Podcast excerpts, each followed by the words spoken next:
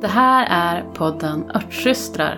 En podd om örter och att ta tillvara på naturens skatter. Med mig, Maria Österberg. Och mig, Anna Rosenblom. Hej och välkommen till ännu ett avsnitt av podden Örtsystrar. Hej hej! Idag så ska vi ha ett så här fokuserat enörtsavsnitt. Vi ska prata bara om en ört. Eller Ja. försöka prata bara om en ört. Ja, ibland så har vi en plan och så fladdrar vi iväg men, Men så kommer det en massa andra örter in och... och bråkar. Ja. Vi ska prata om gråbo. Eh, och det här kommer att bli ett lite, inget expertsamtal, för det är verkligen en ört som, som vi personligen inte har använt så jättemycket, utan lite grann. Och jag eh, föreslog att vi skulle ta ett avsnitt om, den, om, om just gråbo, för att den dök upp i somras i väldigt mycket frågor inne i eh, min medlemstjänst. Aha. Att det är liksom en ört eh, som pockar på och som folk är lite nyfikna på.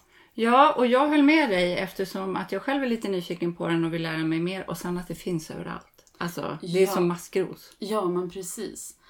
Ja, så vi drar väl igång. Jag tänkte att vi skulle börja med att eh, Eh, jag tänkte läsa en, ett stycke ur eh, Nio örters gald. För grejen med gråbo är ju att det är en, en ört som verkligen har liksom använts sedan typ urminnes tider.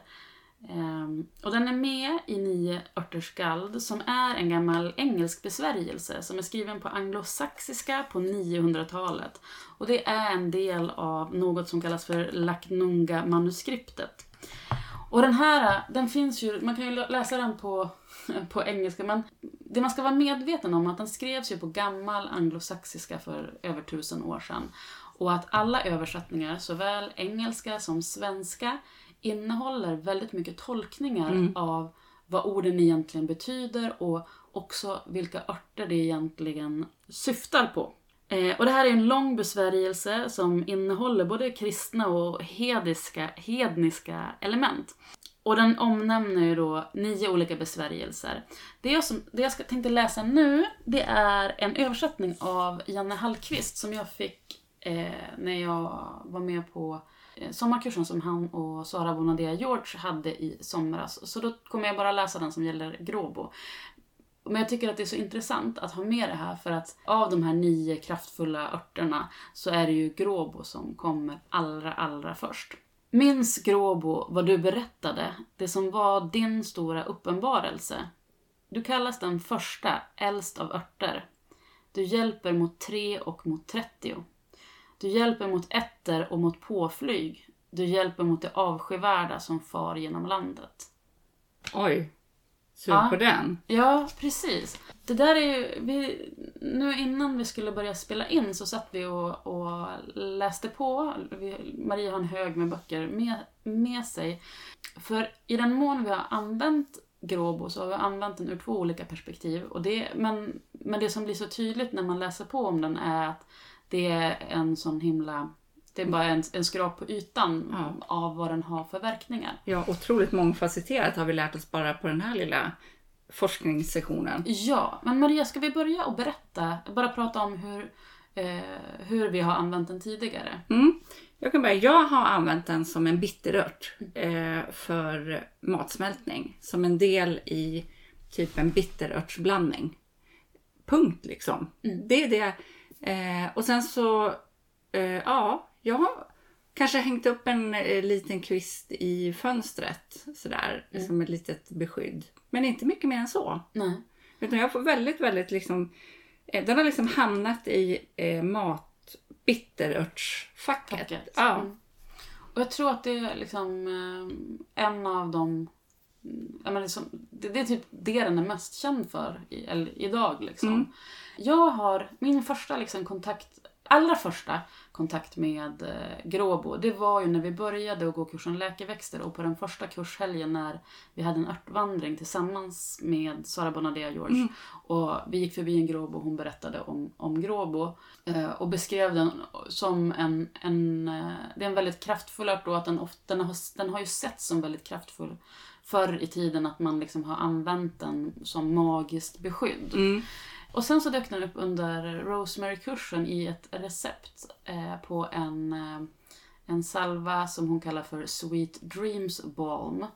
Eh, som är att man gör ett varmt oljeutdrag av eh, massa roliga örter. Det är, eh, det är gurkört tror jag, det är humle, eh, citronmeliss. Eh, och nu, nu liksom gissar jag bara, för jag har det inte framför mig, jag kommer inte exakt ihåg. Men framförallt så är det gråbo. Och den, den liksom salvan beskriver hon att hon brukar ge den till, eh, till barn, i, till exempel i påskägg, för att, som en salva som ger dem söta drömmar. Så jag gjorde den och det var ganska många år sedan nu och den är verkligen så. Den är jättehärlig, man smörjer, den, smörjer in sig med den innan man går och lägger sig. Och jag har även provat den på mina barn och, som då tyckte jättemycket om den. Mm, jag fick en liten burk av dig Ja, som jag, eh, nu är den slut för länge sedan, eh, smörjde in på handlederna. ja. Och den är fantastisk. Ja, den är helt...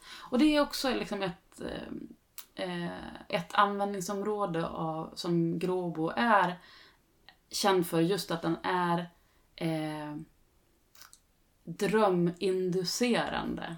Och det var ett härligt ord. Ja, för att den är ju liksom... Eh, nu när vi liksom grottar ner oss lite i den så omnämns den ju som en nervinört. Men att framförallt så, så används den och har den använts historiskt för att, att framkalla drömmar och också i förlängningen eh, att eh, framkalla eh, drömmar som ska säga någonting om framtiden. Mm. Eh, och, och liksom att, och att ja, men den liksom används som ett hjälpmedel för att, att komma i kontakt med det här som inte är det vi upplever i vaken, Just det. när vi är vakna och medvetna. Eh, så, och sen nu under den här sommaren, utöver att, det var, att jag fått mycket frågor om den, så var det väldigt mycket om Gråbo på kursen med Janne och Sara som jag gick. Och sen är det som att den har förföljt mig hela sommaren för att den... Så fort jag kom hem med tåget och det första jag ser när jag kliver av bredvid liksom banvallen är liksom massa Gråbo. Mm. Och jag har ju haft, haft en grej med Gråbo de senaste åren att jag har liksom letat efter Gråbo för att ha den framförallt i den där Dreamborn. Dreambalmen. Och Gråbo är ju jättevanligt, det är jättevanligt ogräs, finns över hela landet. Men jag har inte hittat det i mitt närområde, förutom vid brorsans traktorgarage. Och där vill man ju inte skörda Gärna, den, nej. absolut inte.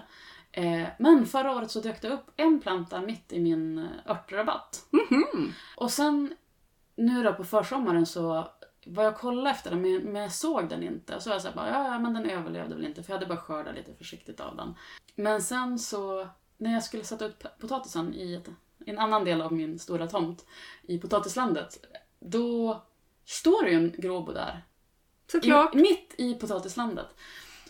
Och sen... Eh, Snacka om att den bara Hallå! Hallå! Ja. Alla ser mig! Ja, och senare i sommar nu så när jag skulle eh, skörda lite så har den ju dykt upp igen. Eller om det är samma planta som är kvar i, i örtrabatten. Men jag tror inte det, jag tror att det här är en, en ny. För att då står den, har den liksom vuxit upp och omsluter en isop. Mhm. Jätte, jättehäftigt. Men eh, så i alla fall, hur som helst. Så i, eh, nu under sommaren så har jag börjat eh, testa den, dricka den som, som kvällste. Och eh, testa den i kombination med andra sömnörter.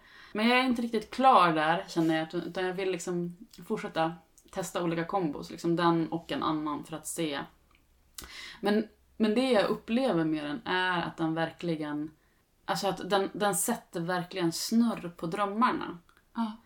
Och jag som har väldigt, väldigt lätt för att drömma drömmar. Så för mig så blir det att de, det blir liksom nästan, För mycket? ja men de går på speed nästan. Alltså, Eller det blir liksom, de blir mer intensiva, det blir mer. Alltså, så det är nästan så att det är verkligen liksom, jag dricker inte den som sömnört varje kväll. För Nej. det blir för intensivt. det skulle du inte orka. Nej! Samtidigt som jag pratade med en medlem som eh, hade testat den.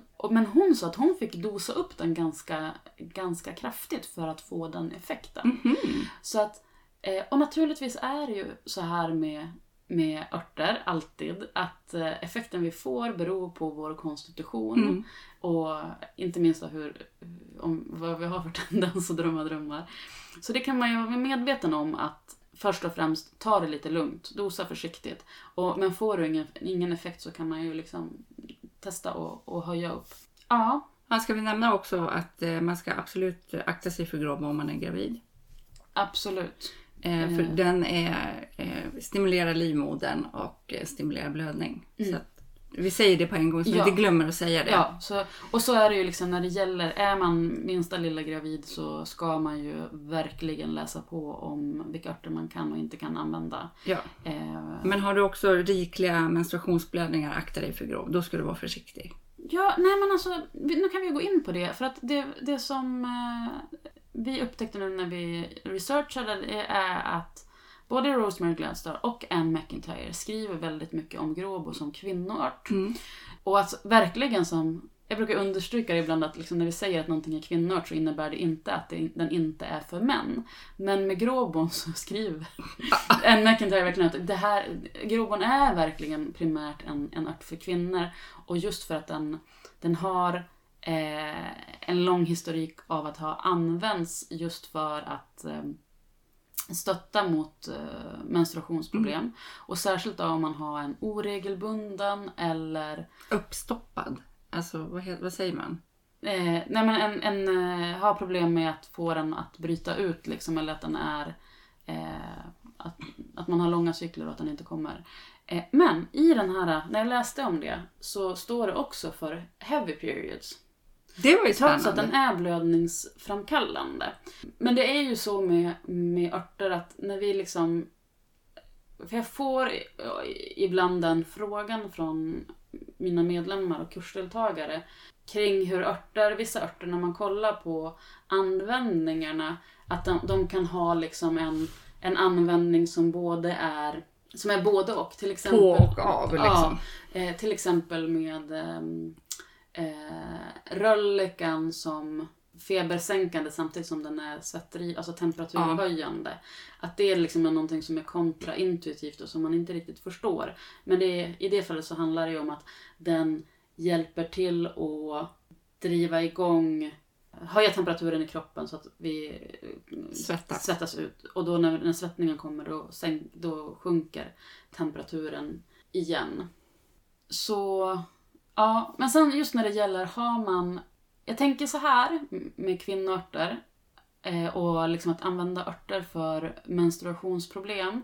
Det finns ju liksom en skala av liksom enklare åkommor, enklare besvär som man kan själv utforska med hjälp av örter. Men om man har problem med kraftiga blödningar, det- då, liksom, då rör vi oss mot liksom en, en, en svårare åkomma. Ja. Och där tycker jag att det, det är klart att känner man, sig, känner man att man vill testa själv så kan man ju läsa på och testa själv. Men, men det är en, en, en svårare problematik och där tycker jag att man, man faktiskt bör ta kontakt med en, en kunnig örtterapeut. Ja. Och naturligtvis också sjukvård, även om jag vet att en, många som söker vård har, har svårt att få, Hjälp för det. få hjälp för det. Mm. För att det. Och det handlar ju också om, jag läste en jätteintressant artikel om just när det gäller det här med, med eh, kraftiga blödningar, att det finns inget, det finns inget egentligen bra mått på vad som är en kraftig blödning. För att de det är någonting med att de eh, beräkningarna på det har inte ens gjorts på blod utan på liksom bindors sätt att uppta vatten. Va? Ja men alltså det är så himla galet. Alltså, eh, Åh gud, ibland känns det som man bara flyger tillbaka till medeltiden. Ja, eh, nu ska vi inte ranta om det. Vi, vi släpper det. Men att... Eh, och, men något som vi tyckte var intressant var ju också att Rosemary omnämner den som en väldigt bra ört för, eh, för tjejer som precis, har- precis har börjat få en cykel. Ja. Och att den kan hjälpa till att, hi- att man hittar en, en regelbundenhet. ja. Kan du inte berätta om eh, ett lite mer... Kanske inte så vetenskapligt. nej, precis.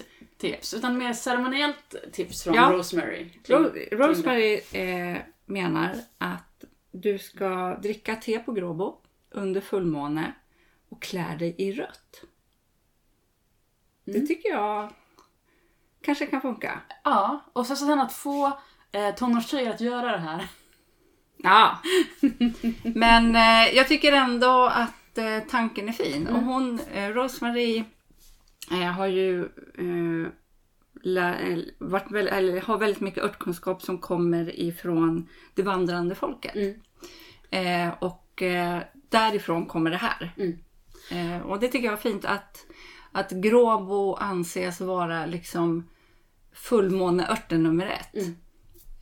Och har varit så traditionellt länge. Precis, och det, det hänger ju ihop också med att den heter eh, Artemisia Vulgaris, vulgaris och Artemis är mångudinnan gudinnan. inom den grekiska mytologin. Ja, men jag, jag Tror tror, jag. att hon svävar runt. Eh, hon är ju den vilda djurens beskyddare. Mm. Eh, ja, Och ehm, Nej men jag tänker att vi kan ju skratta lite åt liksom att ja, man dricka det och så sen bära rött. Eh, men att det här kan ju vara ett bra tips för någon som börjar sin, sin cykel. För just i den där åldern så är det ju också så besvärande. Dels så är det liksom en, en väldigt stor omställning i livet. Att plötsligt liksom behöva tänka på det liksom en vecka i månaden. Eh, och att det också är en stor utmaning i tillvaron när den inte är regelbunden i början. Ja. Att man inte vet och rätt vad det är så Vad- får man det när man ska iväg på semester. Liksom, ja eller, på, eller när du är och spelar basket mitt i jumpan. Alltså det kan ju Ja. bara drulla fram när som helst. Ja. Eh, och det, jag minns det som ganska besvärligt. Mm. Så ja, det är ett litet tips då. Mm.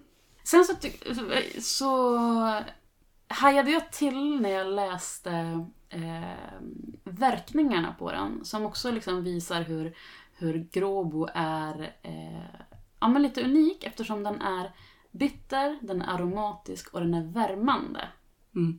Så den är ju i sig den optimala bitterblandningen. För när man pratar bitter, bitterblandningar så eh, brukar man ju säga att eh, det är bra att tillföra en aromatisk ört för att många bitterörter är så kylande. Exakt. Och de aromatiska är värmande.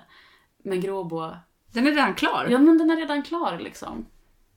Ja, så jag ska absolut göra en eh, ren gråbotinktur tänker jag Mm, nu. mm. Och, eh, och testa det lite kontra min bitterblandning. Ja, eh, och det vi kan nämna är att de, eh, de delar som används är liksom de ovanjordiska delarna och det är bladen och blommorna. Jag har plockat den på samma sätt som jag plockar malört som är kusinen Mm.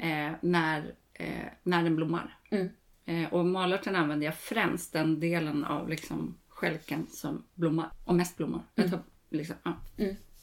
Så jag har gjort samma med gråbo för jag tänker att de liksom... Ja men de är ju väldigt nära, nära släkt. Sen tyckte jag också det var intressant att den, den har, om man kollar vidare i verkningslistan så är den också, den har smärtlindrande egenskaper. Vilket som du påpekade förmodligen hänger ihop med att den är kramplösande. Och Anne McIntyre lyfter fram också att den är särskilt bra vid stressrelaterade problem i mage, eh, muskulatur.